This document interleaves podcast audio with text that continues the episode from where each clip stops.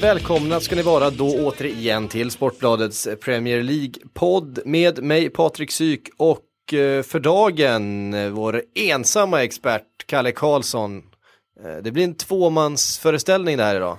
Ja, man kom hit och upptäckte att det var manfall. Men det är väl så i dessa tider av deadline day-hets och sådär. Det är mycket att stå i för många. Det är mycket att stå i och sen har vi upptäckt det där att det där tvåmansanfallet har ju varit liksom den här säsongens, eh, vad ska vi säga, trend. Precis. Så istället för att spela en 4-3-3 så går vi in med en 4-4-2 där eh, vi siktar på ett tvåmannaanfall.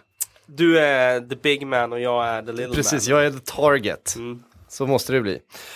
Det har ju hänt ganska mycket de senaste dagarna. Det har spelats en full omgång i Premier League. Eh, en hel del att prata om därifrån. Jag tänkte vi skulle, vi skulle faktiskt plöja igenom eh, nästan alla matcher i alla fall. Vi kanske, vi kanske skippar någon men för att spara lite tid. Men vi börjar med det som hände igår kväll tyckte jag. Det är liksom det som är mest intressant. Och det är förstås det stormötet mellan Tottenham och Manchester City. När de möttes i Manchester så blev det 6-0 och det var liksom någon sån här början på eh, Vias Boas eh, ja, slutskede i, i Tottenham på något sätt. Det var, det var där liksom det blev för uppenbart. Eh, nu blev det 5-1 igår, men det fanns lite annat att diskutera mer än att bara City kom och körde över. Inte minst en, eh, en utvisning på Danny Rose. Vad säger du Kalle? Ja, vi ska börja med utvisningen. Ja, Vi men börjar vi med kan, utvisningen. vi, vi kan vi- göra det. det. Det är klart att det var den stora snackisen efteråt för Tottenhams fans och även kanske bland många av de neutrala. För att den kom ju i ett skede där eh, det ändå fortfarande är match. Och eh, det får ju så enorma konsekvenser. Dels med den här dubbla bestraffningen då. Det dels är mål och dels är utvisningen. Och så blir det ju en trippel bestraffning eftersom man kommer bli avstängd också. Och det är klart att det inte var straff och att det på sin höjd var en hörna.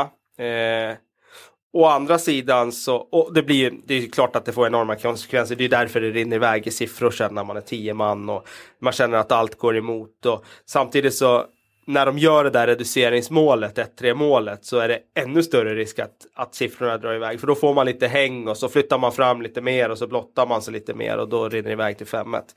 Men med det sagt och allt det här med utvisningen som var ett horribelt domslut av linjedomaren eh, som Mariner såklart var huvudansvarig för ändå. Så måste vi ändå lyfta fram att City var ju fullständigt briljanta i, i den här matchen. Eh, första halvtimmen så visar de ju vilken otrolig kvalitet det finns i det här laget. Det som var det 11-1 i avslut efter första halvtimmen och det hade ju kunnat stått 2-3-0 vid det laget. Eh, och Agüero såklart helt briljant men hela Citys lag var ju Alltså vilken, vilken lagmaskin de har blivit. De är ju inte beroende av individualister som de var tidigare utan nu är det ju ett lag som fungerar på alla sätt. Och min känsla är det här med att om motståndaren packar mittfältet och täcker där, ja men då kommer deras ytterbackar att, eh, att eh, såra dem eh, genom att fylla på och överlappa. Om man inte gör det så då kommer du istället att öppna de där ytorna centralt så att David Silva får slå in sina passningar med, med sin eh, känsliga fot som han gjorde igår till 1-0 målet. Så att vad man än gör nästan så, så har de den där kvaliteten och, och, och öppna upp nu. Mm. Vad säger vi om eh, Tottenham då? Har ju haft en, en bra vinter ändå sen Tim, Tim Sherwood kom in. Eh, blev på många sätt eh, helt utspelade igår förstås. Utvisningen hjälpte ju inte till. Men eh, hade man kunnat göra match av det här om man hade fått vara 11 man? Både ja och nej. Det är klart att eh, dels det med utvisningen, då hade det fortfarande varit match. Du hade Dawsons mål där som eh, inte var offside på Dawson. Eh, så det är klart att det hade kunnat bli match. Men det var ingen tvekan om att det var enorm skillnad i, i klass mellan de här lagen. Det är ju bara att titta på hur det såg ut i första halvlek.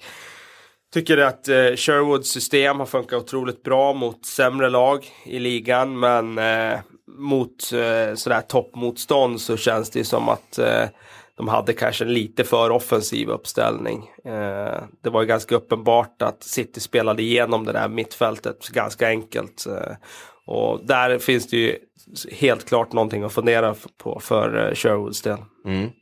Eh, vi fick dessutom se igen en skada på eh, Agüero i City. Har haft problem under den här säsongen, har ju varit briljant när han inte har varit skadad, men så har de hela tiden varit där och stört. Eh, vi såg Jovetic komma in och ersätta då och, eh, och göra ett mål. Hans eh, första väl? I, I Premier League. League. I, Premier League är det det. Ja, precis. Han har ju knappt spelat i Premier League. Han har gjort eh, en startad match i Premier League och det var i september. Eh, förutom det så är det två kortare inhopp och sen nu fick han det här inhoppet. Då. Det, jag tyckte han såg rätt rostig ut eh, under stora delar av sitt inhopp. Av naturliga skäl. Han har ju knappt spelat den här säsongen. Men Eh, Eh, med det här målet så känns det som att han kan få en boost och det är ju en spelare som håller otroligt hög kvalitet om man skulle komma tillbaka till den nivån han höll i Fiorentina. Vi har ju varit inne på det förut. Eh, City ser verkligen, verkligen ut som den här titel, titeln, självklara titelkandidaten vid det här läget. Eh, är nu också uppe i serieledning efter att eh, Arsenal tappar poäng. Vi ska prata lite mer om eh, eh Southampton-Arsenal senare. Eh, finns det något lag som ska kunna stoppa den här, den här lagmaskinen som du ser det? Är det det bästa? Eh, det, vi har ju hört, eller vi har läst engelska experter jämföra dem med, redan nu, de är rätt snabba att dra växlar där. Eh, med det Manchester United som tog trippeln, med eh, det oslagbara Arsenal eh, från, 20, eh, från 2003. 3, mm. och Liverpool på 80-talet, att man menar att Manchester City visar upp den kvaliteten och kommer vara det laget för de närmsta åren framåt. Alltså det de har visat de senaste månaderna det är ju eh, extraordinärt. De öser ju in mål på ett sätt som inga andra lag har gjort tidigare i modern tid i engelsk fotboll. Och de har ju redan gjort över 100 mål den här säsongen. Och det är som att det spelar ingen roll vilket motstånd de har. De, de kommer att göra sina minst tre mål per match. Och man undrar vilket lag det är som ska kunna hindra dem från att göra det egentligen. Så att det blir naturligt att man drar de där växlarna och jämför dem med de största lagen tycker jag. Det som hindrar dem i höstas det var ju det här usla bortaspelet som de fick bukt på till slut. Nu har de ju faktiskt vunnit ja, i stort sett varenda matchen. De gick på pumpen borta mot Sunderland i början av november där. Så att som det ser ut nu så ser de ju ut som en eh, väldigt stark titelkandidat. Eh, sen är det där med skadan på Agüero. Det har inte drabbat dem eh, så hårt som jag trodde att det skulle göra förra gången han blev skadad. Men eh, tycker ändå att han ger laget en dimension som de inte har när han inte är med. För att eh, han har den där lilla extra, den där liksom extra växeln som gör att motståndarna liksom måste lägga ytterligare energi på att stoppa, eh, stoppa honom och blotta sig på andra sätt. Så att vi får se. Det, det, kanske, det kanske är så att de kommer att känna av hans frånvaro nu här i vår när det blir tuffa matcher. Mm. På måndag... Vi får se hur länge han är borta. Han säger själv att det inte var så allvarligt och hoppas på det. Men eh, ett par veckor får vi nog räkna med i alla fall. Mm. Hamstring är väl det de har sagt. Det kan ju variera lite grann beroende på hur, hur allvarligt det är. Eh, på måndag möter man Chelsea som spelade 0-0 mot West Ham igår. Eh, Mourinho var eh, i vanlig ordning ute och svingade i pressen. Eh, och det är ju fantastiskt, han, han, hans uttalande här, de spelar 1800-tals fotboll. Uh, this is not the best league in the world, this is football from the 19th century. Vilket ju är väldigt roligt att han uh, går ut och svingar mot ett lag som parkerar bussen. Ett lag som ligger på nedflyttningsplats, som har uppenbara problem, som möter då liksom ett Chelsea som är i kanonform. Som är i kanonform, som jagar ligatiteln. Att han förväntar sig att, att ett West Ham ska gå ut och, och agera på ett annat sätt. Jag hade velat se hur Mourinho hade ställt upp det här West Ham, om, om han Sam Allardyce hade bytt plats. Ja, han sa ju i och för sig det faktiskt, sen i, i förbifarten sa han ju det att ja, jag kanske hade gjort samma sak själv. Och det kan vi ju räkna ut med bakdelen att det är klart han hade gjort det. Han är ju den mest pragmatiska tränaren vi har i hela Europafotbollen så att eh, det är ju precis det han själv har gjort med Inter i Om vi, om vi minns, vi minns liksom, in, Inter Barcelona, alla som minns då, det mötet ja. vet ju att han är, inte, han är ingen främling för att parkera bussen. Det är klart att vi måste ta det ny, eh, uttalandet med ett nypa salt. Eh, jag tycker det var fantastiskt att eh, West Ham eh, ja men ändå liksom, de gjorde det som, eh, som krävdes av situationen och hade en var en- fantastisk det- målvakt också. Fantastisk målvakt, man ska komma ihåg också att eh, de fick O'Brien skadad på slutet. Man hade gjort alla sina byten, man spelade alltså de sista tio minuterna med eh, en man mindre och med kanske sin viktigaste försvar, en av sina viktigaste försvarsspelare eh, borta från laget. Det var en otrolig eh, hjälteinsats på många sätt, på jättemånga spelare i laget. Eh, Fantastiskt att se. Sen så ska man veta också att man hade i andra halvlek en, ett kanonläge där Andy Carroll sparkade, sparkade luft. Eh, en 5-6 meter ifrån målet. Där det, mycket väl hade kunnat bli 1-0 till West Ham. Det hade ju varit så typiskt med West Hams otur den här säsongen om Frank Lampard hade gjort mål där i sista sekunden när han fick sitt jätteläge. Och just Frank Lampard då som fansen inte gillar efter hans historia i klubben och sådär. Och just Frank Lampard som har en historia av att göra de här målen i slutet på matcherna med en studsar på en, han kommer in andra våg, eh, hittar en lucka, Ja, det hade varit typiskt. Det hade varit eh, väldigt, men det blev inte så igår. Ehm, och all heder åt West. Vi måste säga någonting om, om Adrian. Eh, reservmålvakten ju, som kliver in och gör, eh, ja, det är ju en utav, den får ju jämföras med Tim Kruls eh, insats mot Supermål, Tottenham, eh, Tottenham tidigare här. Alltså det är en, en av de svettigaste målvaktsuppvisningarna man har sett faktiskt. Ja, det här var fullt i klass med Krol faktiskt mot Tottenham skulle jag nog säga. Jag såg reprisen i, i natt där och det var några helt otroliga räddningar. Och just i de här matchavgörande sekvenserna som ja, slutsekunderna där på Lampard när han gör en benparad. Han fick ju chansen där att ersätta Jeskelein och jag för mig att hans var första eller andra match var i alla fall inte så lyckad där och man tänkte att ja, nu åker han tillbaka till avbytarbänken. Men eh, han har ju faktiskt kommit in och stått rätt mycket matcher nu och det känns ju som att han har tagit över posten som etta utan tvekan. Ja, stor, eh, stor hjälte igår. Vi ska säga någonting också om det här, för det uppstod ju en lite märklig situation på slutet. När han räddar bollen, Dembaba, han håller bollen i famnen, Dembaba är där och trampar och, och, och fiskar efter bollen. Eh, men, men Adrian har den, så alla springer därifrån. Adrian tror att det är blåst för frispark, vilket ingen är riktigt säker på fall det är eller inte, men lägger ner bollen, går därifrån, försöker maska lite grann då, för det är inte så många minuter kvar. Eto'o springer fram och petar in den, som han gör Eto'o, han är ju alltid där och, och, eh, och ståkar målvakterna för, för minsta misstag. Eh, jublar som, som bara den då att nu, nu har han gjort det igen, liksom lurat en målvakt. Men eh, domaren, nu kommer jag inte ihåg vem det var som dömde, eh, väljer i alla fall att ge frisparken. Och jag vet fortfarande ifall det har kommit något facit på ifall det verkligen var blåst för frispark eller inte. Eller ifall det bara var Adrian som, som utgick ifrån att han skulle ha en frispark där. Eh, för är det inte blåst, då är det ju mål. Då är det ju faktiskt mål. Det låter som eh, det hade kunnat bli en lika dråplig situation som där Herelio Gomez gjorde på Old Trafford en gång när alla ner bollen också och trodde att det var blåst. Nani fick den, la in den i öppet mål.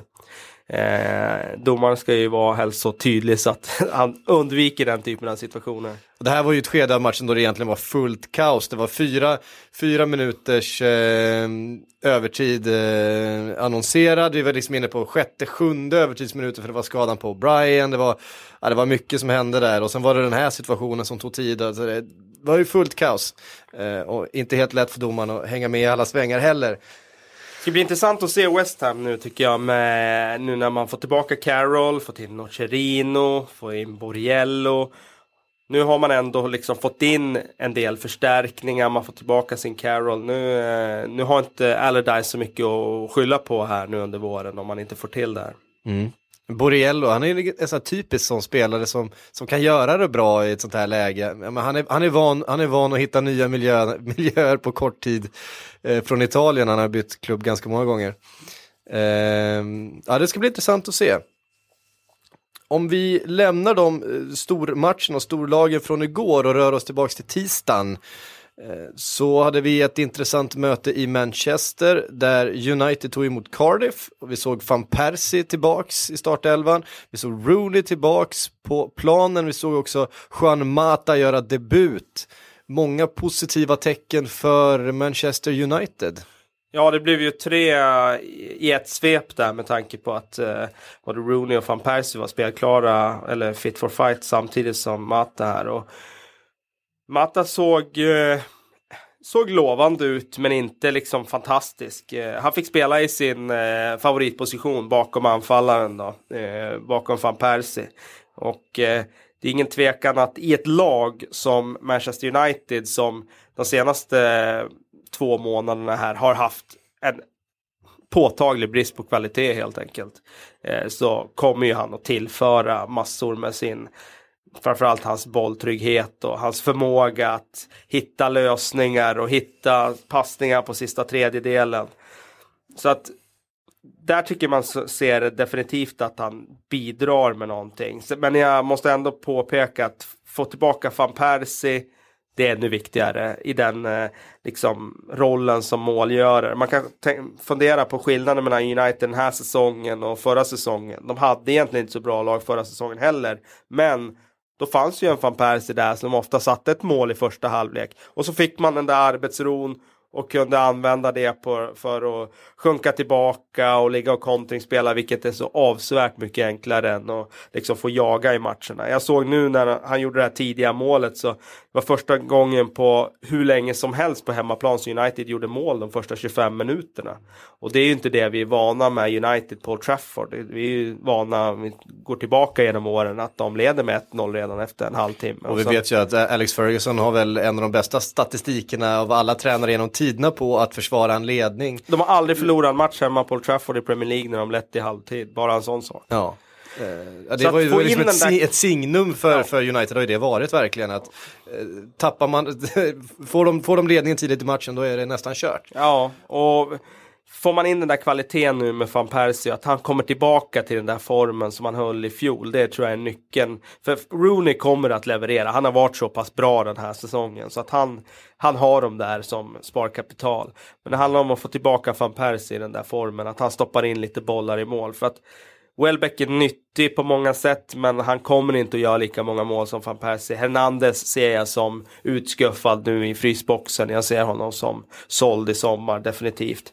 Eh, så att eh, Sen blir det ju intressant som sagt att se hur de formerar det med Matta. Det lät ju på David Moyes efter matchen som att han tänker sig Matta, att han till att börja med i alla fall får anpassa sig till en roll på, på kanten då.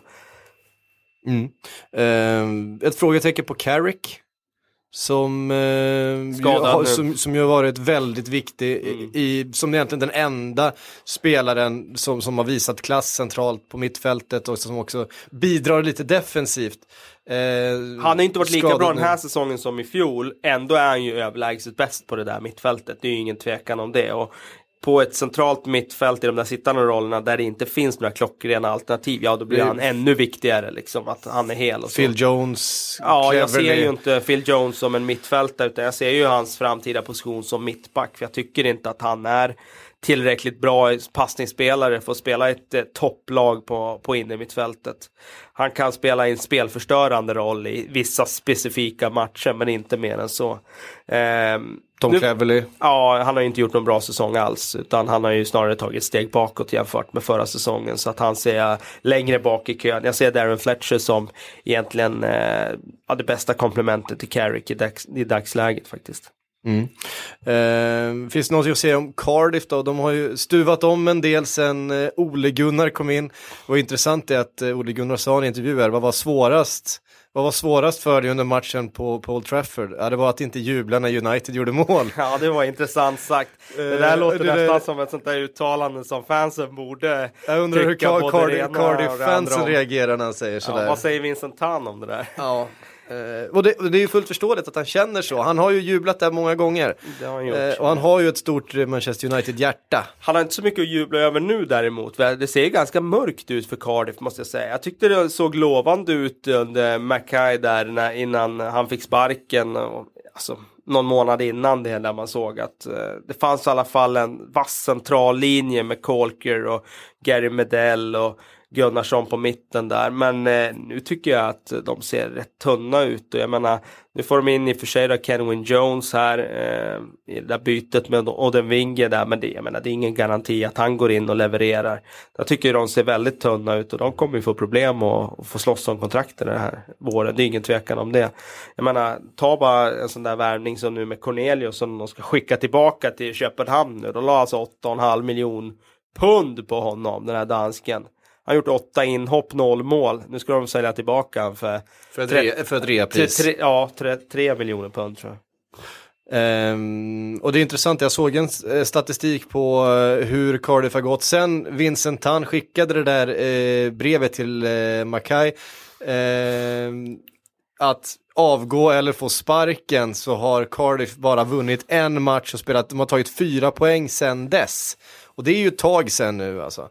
Eh, samtidigt så har ju då Ole Gunnar försökt bygga om, bygga norskt.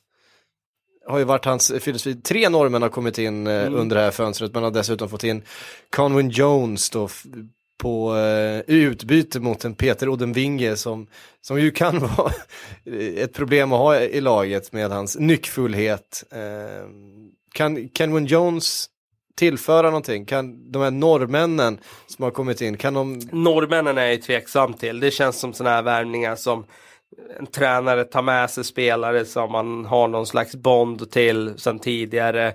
Han tror mycket på dem själv men de har inte riktigt nivån för, för Premier League utan det känns som sådana här utfyllnadsspelare och kan bli jackpot om en sån spelare, en billig värvning levererar men nej, jag tyckte det var fel, fel väg att gå i det här läget.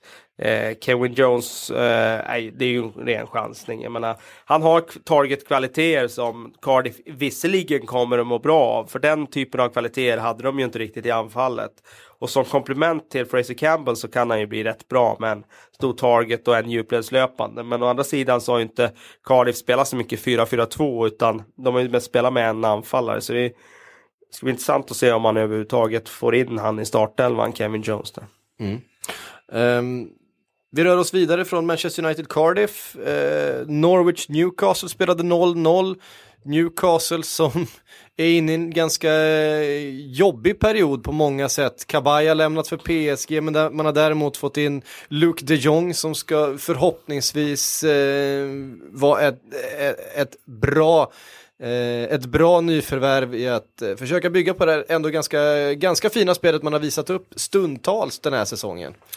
Ja, det är ju oroande det där med kabajen ändå, måste jag säga. För att eh, Alltså Newcastle får ju så pass mycket pengar i det här fallet så att det är ingen dålig försäljning, absolut inte. Eh, de har ju dessutom lovat honom då att han skulle få gå så att de hade inte så mycket val i det här fallet. Men, Men skillnaden ja, när man jag, har sett Newcastle med och utan Kabay har ju varit ganska stor. Ja alltså. den är ju eh, enorm och jag ser ju han som spindeln i det där Newcastle-laget. Det var han som länkade samman bitarna med sin otroliga passningsskicklighet. Och jag tycker väl inte att de har den kvaliteten riktigt på någon annan spelare. Nu kommer det bli TT och Anita på centralt mittfält.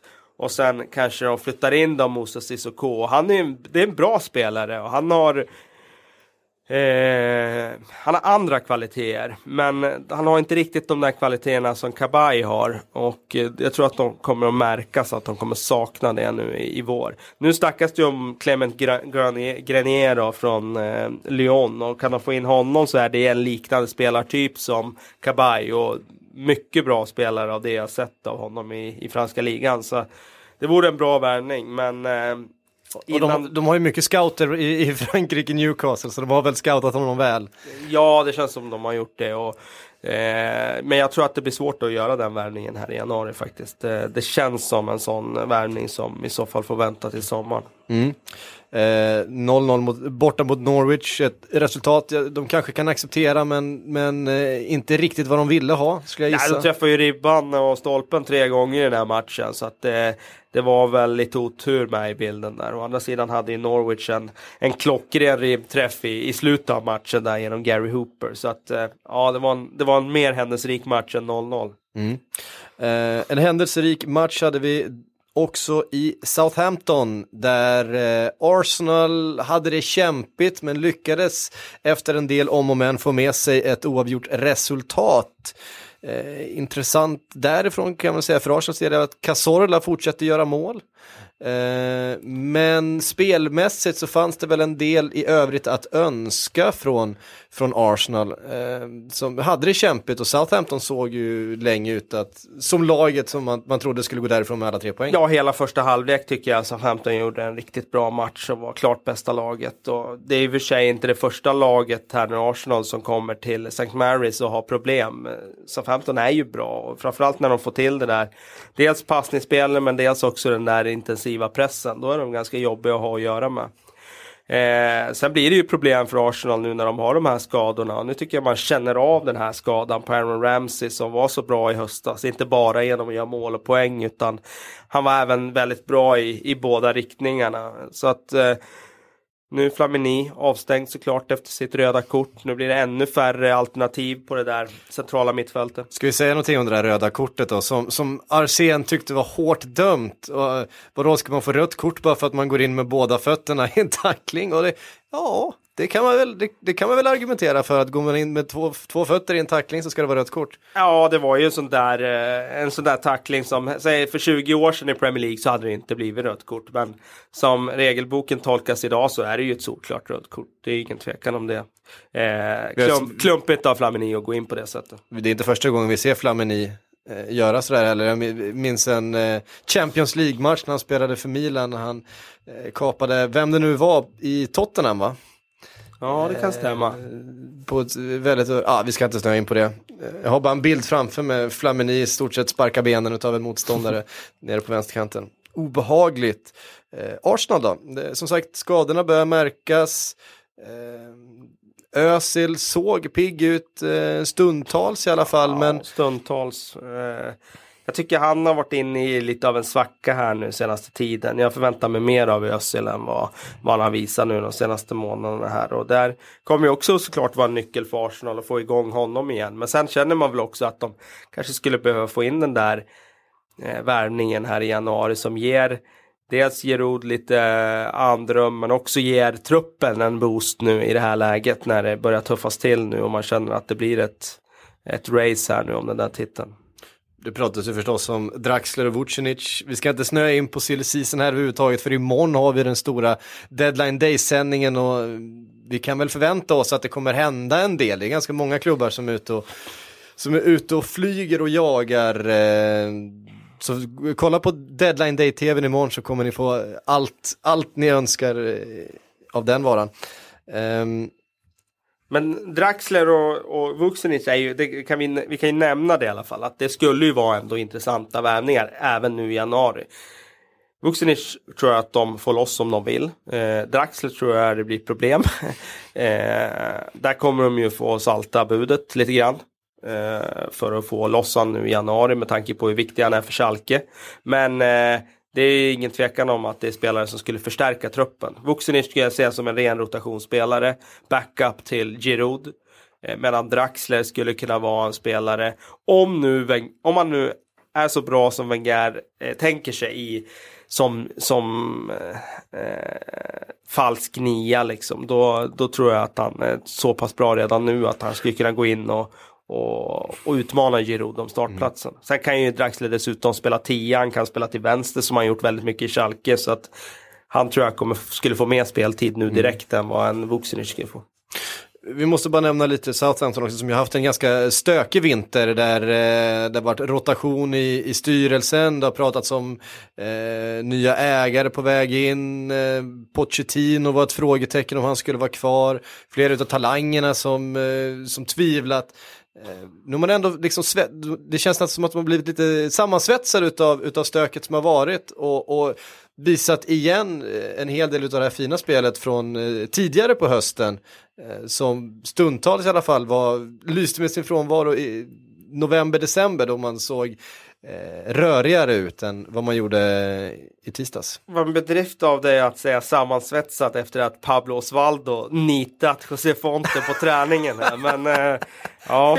ja. men alla, alla, du vet, eh, har inte, eh, vad säger man?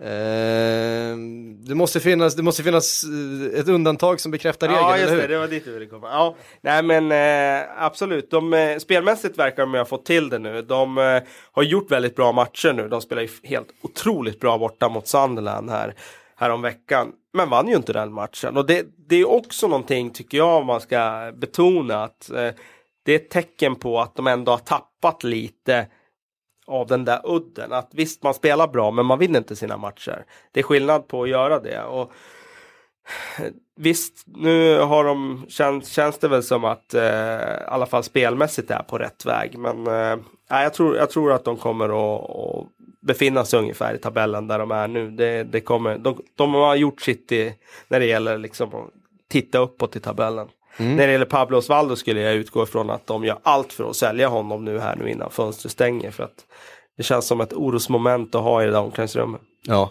eh, utan tvekan. Det finns, det finns ju en del intressenter också. Så att eh, det är väl inte osannolikt att han eh, försvinner här eh, inom de närmsta timmarna. I Liverpool så spelades det derby. Eh, senast det spelades derby var det på Goodison Park. Då blev det 3-3 i en av de mest underhållande och svängiga matcherna vi har sett den här säsongen. Eh, nu var det på Anfield Road och underhållande var det, men inte riktigt lika svängigt. Det var lite mer envägstrafik eh, när det kom i alla fall till omställningsspelet. Eh, även om eh, Everton gjorde det bra i, i långa perioder tycker jag. Eh, höll i bollen så var, kontrade sö Liverpool sönder och vann dem med 4-0. Vad säger man om det här spelande Liverpool som Brennan Rodgers alltid har hävdat att vi ska, vi ska vinna bollinnehav och vi ska rulla runt och spela trianglar och så lägger man sig på försvar och så kontrar man. Är det liksom eh, är det resultatet av truppen han har eller är det medvetet eller bara blir det så här? Nej, jag tror att det är faktiskt så att det är ett resultat av truppen han har. Han har märkt att han har de här speediga spelarna som kan såra motståndarna med snabba kontringar och då finns det ingen anledning egentligen att hålla på och spela något possession-spel när han vet att han, han får effekt av den här typen av spel. I det här fallet mot Everton tycker jag var ganska uppenbart att han struntade i bollinnehav. De gick otroligt lågt i vissa perioder Liverpool när de försvarade sig och det var väl också i och för sig en effekt av att Gerard eh, och det där mittfältet såg ganska ihåligt ut mot Aston Villa. Att de var tvungna att täppa igen på det sättet. Och receptet på det var att sjunka väldigt lågt. Men det var ju, det här var ju pojkar mot män tycker jag. På det sättet att ja, vi låter Everton spela lite. De får spela i de här ytorna där det aldrig är farligt. Men så fort vi, vi vill så kommer vi att såra dem på andra sätt. Och det var ju det de gjorde också. Så att eh, en pragmatisk hållning från Rogers som eh, visar sig lyckosam och det ska han ha enorm credit för. Eh, det kommer att vara fler lag som kommer att märka att eh, tar Liverpool ledningen och lägger sig på kontringsspel så kommer det bli väldigt kämpigt att stå emot mot snabba spelare som Suarez, Sturridge och Sterling. Mm. Eh, och Gerard funkar ju faktiskt väldigt mycket bättre nu. Vi, snackade, vi såg ju honom tidigare här i podden häromveckan när han var riktigt svag mot Aston Villa. Men han funkar ju avsevärt bättre nu i den här matchen. Men jag vill ändå poängtera att jag tyckte det var mer faktiskt laget som fungerade bra försvarsmässigt. Och att Henderson sjönk lite djupare ner i planen som gav eh, Gerard understöd snarare än att han själv var liksom spela perfekt positionsspel. Mm. Hur viktig, hur viktig var den här segern tror du? Det är klart att det alltid är viktigt att vinna ett derby eh, rent för eh, lokal, lokal eh, politiskt är det alltid viktigt att vara storebror för Liverpool mot, mot Everton. Men hur viktig var den i den här jakten på fjärdeplatsen, den här självbilden som ett av de här lagen eh, som ska vara med där uppe den här säsongen, att bygga vidare på den fina hösten? Ja, för mig var det matchen där Liverpool hängde av eh, Everton i jakten om fjärdeplatsen. Everton, eh, det fanns vissa positiva delar de kan plocka med sig och man ska absolut ha i åtanke att Everton hade rätt mycket emot sig i den här matchen med Lukaku som får kliva av mm. efter 20 minuter. Och mycket skador in. på förhand. Ja, precis. Och Steven Naismith får gå in på topp och redan där kan man ju säga att matchen var förlorad för att eh, jag kan inte se att Naismith ska kunna hota liksom Liverpool från någon strikerroll. Han kan inte hota dem på något sätt alls, för, men det är en annan fråga. Eh, så att eh, jag, jag har svårt att se att Everton ska eh, hämta sig och gå om med Liverpool efter det. Mm. Eh, intressant. Sturridge kan vi väl nämna också. Miss, gjorde två mål, fina mål, eh, just den här typen av omställningar som vi pratade om. Sen eh, fick han läge att göra hattrick på straff. Eh, jag vet inte om han har landat än den bollen. Men eh, byttes ut strax efter han eh, igen sumpat ett friläge där han hade en klar möjlighet att spela fram Suarez, valde att gå på avslut själv, jagandes det där hattricket, blev utbytt nästan omedelbart efter det här, nästan som en liten slap on the wrist från Brendan Rodgers att eh, nu får du faktiskt ta och lugna ner dig här, alltså det är ett lagspel det här. Eh, och såg inte alls nöjd ut med den, med den eh, avbytningar ut. Nej, precis. Eh, Samtidigt så måste jag säga att han hanterar ju väldigt bra efteråt Starridge för att han Han fick lugna- när han fick lugna ner sig Ja, när han fick, så- eh, precis. Det var det jag menar liksom att visst, han var förbannad där och då, vilket han såklart ska vara. Det är klart han är frustrerad när han inte får sätta sitt hattrick och han var ju mest förbannad på sig själv såklart, för det var ju ingen annan han hade att skylla på egentligen. Eh, men sen efteråt i intervjuerna så hanterade han det väldigt bra. Han bad om ursäkt. Han sa att Suarez hade all rätt i världen att vara förbannad på honom, vilket han hade. Eh, och ja, då är ju saken i världen. Det är ju så himla smart att bara hantera det på det sättet. Och sen kan man kanske tycka själv eh, annorlunda när man sitter hemma på kammaren och heter Daniel Sturridge och tänker att ja, men vad fan, det, det kan förhållas. Jag hade mina skäl, men eh, säger man bara rätt saker utåt så är, blir det aldrig någon stor sak och det gjorde han bra. Mm. Eh, vi lämnar Liverpool-Everton där. Eh, vi har nämnt Aston Villa som ju eh, Liverpool hade väldigt svårt med omgången innan. De hade det ganska kämpigt hemma mot West Bromwich i sin tur, men efter väldigt mycket om och men i en helt fantastisk match med sju mål så kunde Benteke till sist sätta det avgörande 4-3 målet och, och tre poäng till, till Villa och Benteke i målprotokollet igen nu efter eh, sin formsvacka så verkar han ju vara på väg tillbaks i alla fall och Hans havsdjupa formsvacka som, eh, ja det var ju, det var ju verkligen torr period för hans del under hösten där efter skadan när han kom tillbaka. Han kunde verkligen inte göra mål. Eh, nu har han ju nätat ett par matcher här och eh, han ser ju sådär farlig ut och tung och svårstoppad som, han, som vi känner igen honom från förra säsongen. Och det är ju liksom det, det är ju den viktigaste pusselbiten för, för Lamberts del. Jag menar, de är ett lag när Benteke är i den där formen, de är ett helt annat lag när de inte har det där hotet framåt. Så att eh, Benteke Han var ju till och med tvekan- bänkad i, i, i Ja, i med all rätt också ett tag där när han inte bidrog med, med någonting i princip. Men eh, ja, det, det är ett väldigt, väldigt viktigt besked för, för Aston Villas del. Sen eh, måste man ju nämna Fabian Delfs mål som var helt, jag vet inte om du såg det, men han bara vände bort backen, vek till vänster och bara dunka upp den ribba in. Det var, ja, det var Fabian Delf som vi har hyllat eh, vid några tillfällen i den här Ja, sen podden. har han ju blandat och gett lite grann också har man ju sett i matchen. Man känner liksom att, ja okej, var det en, en stark form som höll i sig liksom under litet tag och sen sådär. Men fortfarande, det är ju liksom en av eh, Villas absolut bästa spelare. Ja, Om inte och- den bästa den här säsongen. Och då måste jag kolla med dig Kalle, för att jag har eh, de gånger jag sett Aston Villa tyckt att Fabian Dells har spelats för djupt ner i planen. Man förstår inte, jag förstår inte varför, med, med, de, med den bolltouchen han har och den speeden och hur duktig han är med boll och, och slalomåka mellan spelare, ska göra det runt mittcirkeln istället för att göra det nere runt motståndarnas straffområde som vi såg här eh, kan generera fantastiska resultat. Han spelar ju en mer offensiv roll Eh, i Leeds en gång i tiden när han kom fram där. Så han, är ju, han har ju en historia av att vara lite högre upp i planen. Men det är nog inte så enkelt som att det är bara ett, eh, en följd av det spelsystemet som Villa använder. De använder ett 4-3-3. De har två offensivare mittfältare framför Westwood. Och då blir man automatiskt eh, Ja, man blir inte lika offensiv som man blir om man får spela ensam offensiv mittfältare framför det. Men om man hade tänkt sig Fabian Delf i den här Abgon Lahore-rollen då istället. Som, På en kant menar du? Eller? ja, precis. Och, och som en, mer av en djupleds, eh, djupledsspelare och, och, och den som ska servera då en Benteke. Aj, alltså jag, jag tycker nog han passar rätt bra ändå på mitten. För han är ju fortfarande den här bollvinnaren och den där spelaren som har den där viktiga kvaliteten. Att som central mittfältare idag, som jag upplever har blivit ännu viktigare idag. Att man kan ta fram bollen som central mittfältare. Man kan göra en gubbe även där och skapa, liksom det är sådana aktioner som skapar chanser ofta. Och jag tror, jag tror det är viktigare för Villa att ha han eh, ett steg ner i plan och ha den kvaliteten där än att få upp han i plan. För där finns det andra som ändå kan göra de grejerna. Eh, intressant. Fabian Delf som sagt, eh, håll ögonen på honom. Vi, vi, vi brukar flagga för att det finns en, en, eh, en klassspelare där i. En klassspelare vet vi ju inte om vi har i John Guidetti. Det verkar i alla fall inte som att eh, Mark Hughes är helt övertygad om det.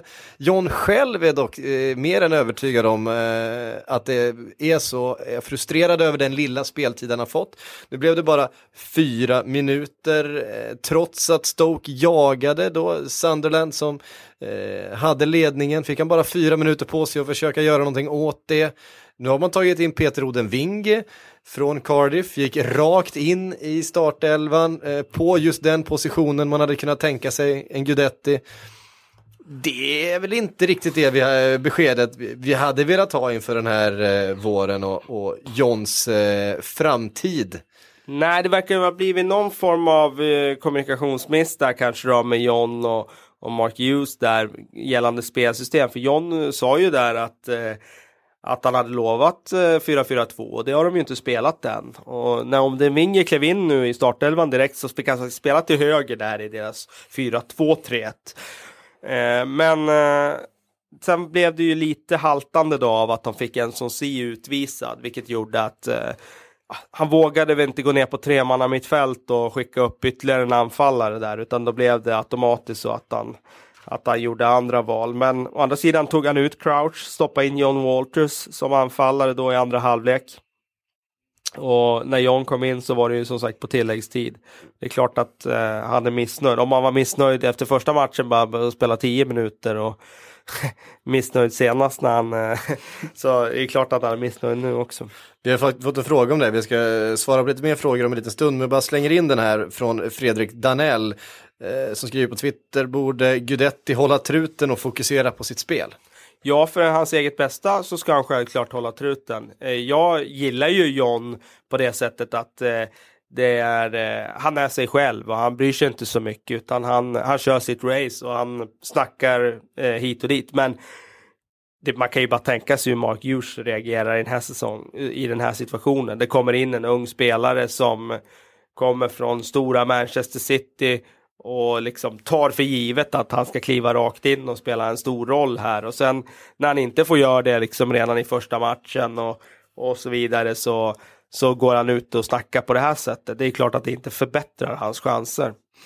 Nej, men att, att, att be John Guidetti hålla tyst, det, det, är inte det lättaste, den lättaste uppgiften i världen att få honom att inte snacka. Eh, jag var ju på den här, den här presskonferensen som han höll för ett par år sedan. Han, när han bjöd in själv till presskonferens utan att egentligen ha så mycket att säga. Höll hov i 45 minuter och en samlad presskår satt bara och gapade.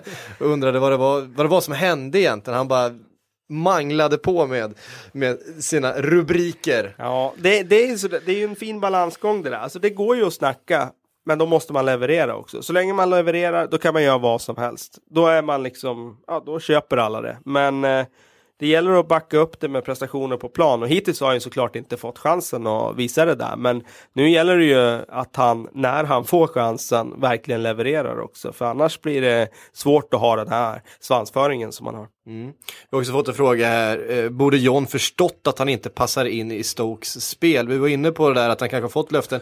Men jag tänker på eh, Feyenoord när han hade sina liksom, riktiga framgångar då, det är ju det han fortfarande lever på. Spelade, spelade inte de mer än, än 4-3-3 där han spelade till höger om, om uh, strikern? Nej, för mig att han spelar centralt. Spelar han centralt, för mm. Feyenoord spelar väl ändå en 4-3-3 mm. som ju inte Stoke gör om man ska liksom försöka dra mm. någon referens till vart han har varit framgångsrik.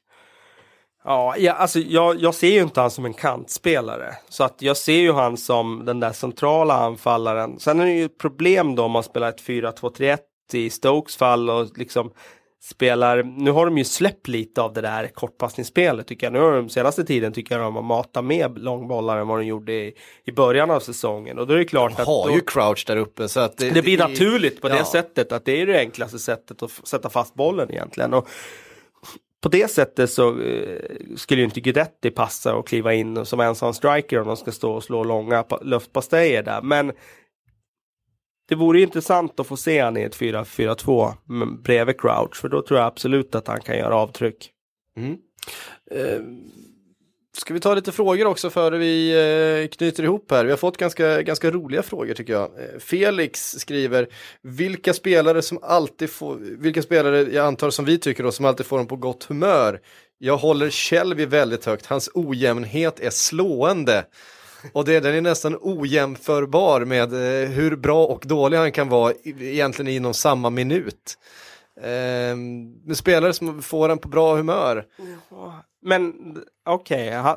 för jag tror jag för egen del tror jag nog det är tvärtom när det gäller Shelby sådär. Eller nej, inte just när det Man gäller kan bli Shelby, frustrerad men också. alltså, jag blir nog mer frustrerad av spelare som är så ojämna liksom och liksom blandar högt och lågt. Men eh, det är kul då att Felix, eh, han, Ja. han, eh, han eh, Jag, jag, jag jag, gillar det. jag kan hålla med Felix lite där just när, när det gäller den typen utav, utav spelare. Man, man, man vet inte riktigt vad man kommer få men det är nästan som ett, ett litet lotteri. Ska man Mm. få någonting briljant eller ska man få någonting för, för bloopers, eh, bloopers reelen på YouTube eh, om en vecka.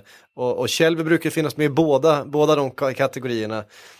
Alltså, det är så svår fråga. För mig är det så många olika spelartyper som kan få mig på gott humör. Alltså jag kan bli på helt otroligt gott humör av att se Per Mertesacker spela nu i Arsenal. Bara för att han inte gör några misstag. Alltså han gör sitt jobb och det ser så himla smooth ut. Det är inga stora eh, liksom eh, excentriska liksom grejer med tacklingar hit och dit utan han står på rätt ställe, spelar enkelt, bryter, tacklar när det behövs, vinner i luften när det behövs. Ah, han gör bara sitt jobb. Det kan jag bli otroligt eh, glad över att se. Sen är det klart att man blir på otroligt bra humör när man ser läckerheter också som när eh, Agüero är på det humöret som han var under första halv, halvtimman igår på White Hart Lane. Ja, vi har ju som sagt i vanlig ordning fått väldigt mycket frågor. Eh, vi har fått en del frågor om eh, våra svenska talanger. John Guidetti var vi inne på, men vi har också fått se en svensk debut i Premier League. När Tankovic, Muammar Tankovic, eh, gjorde debut för Fulham i eh, matchen mot, nu ska jag se så jag säger rätt här, mot Swansea. Där bland annat Chelsea gjorde mål ju. Ja, precis. Det var ju ett kort inhopp här nu, eh, men eh, man fick ju se betydligt mer av honom i FA-cupen här i, i veckan när han, eh, eller i helgen när han spelade mot Sheffield United och det var ju en riktigt, riktigt spännande debut från hans del i startelvan där tycker jag. Det var ju en spelartyp som vi inte riktigt är vana vid i svensk fotboll att se, tycker jag. Eh, väldigt eh, ska jag säga, finurlig, eh, spelskicklig eh, central mittfältare som gärna spelar lite framför mittfältet. Och Det är ju inte direkt en spelartyp vi har överflöd av i, i svensk fotboll. Så att eh, mycket intressant eh, spelare. Eh, det snackas redan nu om, som du sa här innan, om att han eh, borde starta matcher för fulla. Man borde starta redan nu mot eh, mot Swansea i helgen. Det visar ju att fansen och eh, folket i England har tagit honom eh, till sitt, ja liksom, de är medvetna om att han, det här är en upcoming man. Så att, eh, att han får speltid här nu i vår i Premier League, det kan vi nog räkna med. Jag såg till och med någon eh, engelsk pandit som efter bara den här fa Cup-uppvisningen eh, ville byta ut Berbatov mot Dempsey och sätta in Tankovic där bakom och ha dem som ett anfallspar då liksom. Eh, det är väl lite prematurt kan man säga att, att byta ut eh, Berbatov för Tankovic eh, och bygga om anfallet på det sättet. Men eh, det vittnar i alla fall om att han har gjort ett avtryck och att han eh, förmodligen kommer få lite mer förtroende framöver. Ja, det, vi kan alltid hoppas. Vi det kan är ha- inte överflöd på svenska framgångar i Premier League direkt. Nej, det kan man inte säga. Eh, Marcus Blikander har skrivit här, spelaren som gjorde sin bästa match någonsin mot Everton, Sterling. Hans def-insats mot Baines var grym. Är han redo för VM? Eh, Hans, hans, hans chanser försämrades ju inte Nej, det med Walcotts skada. nej. Och att han har gjort en bra säsong här, det, det kan vi väl skriva under på. Ja, en Sen är det- rejäl uppryckning från hans sida. Från det att han var lite dvala där efter den fina debuthösten där i Premier League. Men eh, svårt att se att han skulle ingå i en engelsk eh, VM-trupp faktiskt. Jag Ja. tror inte det. Jag tror att eh, han skulle inte göra bort sig eh, i ett VM. Han skulle inte göra bort sig som inhoppare. Men jag tror ändå att Roy Hodgson kommer att göra bedömningen att han är lite för mycket av en chansning. Jag kommer att gå på alternativ där, där jag vet vad jag får lite mer. Och det är ju en position där det, där det finns en hel del eh, utmanare faktiskt. Ja, bland, bland, eh, bland engelska spelare finns ju positioner där det är lite lättare att ta plats än just som eh, snabb eh, ytterspringare. Men eh, det jag tror om, om, Sterling och det vi såg här, hans defensiva jobb, är någonting som jag tror att Brennan Rodgers har jobbat en del på. För jag tror att han faktiskt ser Sterling som en potentiell eh, ytterback. I alla fall att ha honom som ett alternativ på ytterbacken i framtiden. För vi har sett också hur Liverpool nu har jagat yttermittfältare där man tycker att Eh, det kanske borde finnas eh, andra områden som ska prioriteras, till exempel en ytterback. Jag håller en liten, en liten flagg för att eh, Rodgers faktiskt ser Sterling som en, som en ytterbacksalternativ om han får in eh, Konoplyanka till exempel. Konoplyanka till exempel, mm. man jagade ju Sala innan. Ja, eh, som också Intressant tanke, han har ju snabba. spelat lite som wingback när man spelar med trebackslinje. Han gjorde ju det redan där. Eh, och det är i och för sig en stor skillnad på att spela wingback jämfört med att spela högerback i en fyrbackslinje. Så att eh, så där rent spontant så kan jag inte se Sterling som en högerback i en fyrbackslinje idag, men Rogers kan har sett eh, saker som får honom att tro att han kan greja det i framtiden. Det vore ju väldigt intressant. Och han har ju också hyllat hans fysik, att många har klagat på att han har sett lite svag ut, men, men Rogers har sagt att han är minst lika stark som någon annan spelare i den här ligan. Och, eh, man har ju också sett att han har byggt på sig en hel del muskler den här säsongen och det har väl varit en av eh, anledningarna till att han har gjort en, en bättre säsong i år än han gjorde eh, förra säsongen. Ska vi kasta in, ursäkta mig, kasta in en sista fråga här. David Nilsson undrar, vad tror ni om Arsenals nästa storstjärna Gedeon Salalem? Selalem, ja. Selalem. Alltså jag såg han ju i den här matchen här nu mot uh, Coventry i, i FA-cupen och jag skrev ju om han då direkt efteråt och jag har sett han även på försäsongen och det är klart att han har inte de här matcherna mött speciellt bra motstånd. Men ibland kan man se kvaliteter hos en spelare som, eh, som är unika i sitt slag. Och det tycker jag mig se i det här fallet. Han har ett helt exceptionellt passningsspel. Han har en blick för spelet som eh, få seniorspelare har. Och just det där med spelförståelsen och det där, det är ju det finns ju en anledning till att eh, unga spelare inte har det och det är ju att hjärnan är ju inte fullutvecklad förrän man är 25 år. Och eh, att man då som 17-åring, 16-17-åring som i hans fall då går in och, och spelar så moget och så på ett sätt som eh, ja, en ung Fabregas gjorde på sin tid. Eh, när jag kände att han var unik i sitt slag. Det får mig att tro att det här blir en, en riktigt, riktigt bra spelare. Men det sagt så, så är det ju så att många av de här spelarna som kommer fram i tidig ålder, då börjar fansen dregla och tänka oj, hur bra ska han bli när han är 28 och sådär. Många av dem stagnerar ju faktiskt eh, i sin utveckling efter att de är 22-23 och sen blir de inte så mycket bättre än så. Det, det, kan man se på, på ganska många spelare som ja, de når sin topp där och sen ja, vissa blir lite bättre men de blir inte liksom, de får inte den där explosionsartade utvecklingen sen. Men att det där blir en eh, bra Premier League-spelare inom eh, kort, det, det tror jag nog. Mm.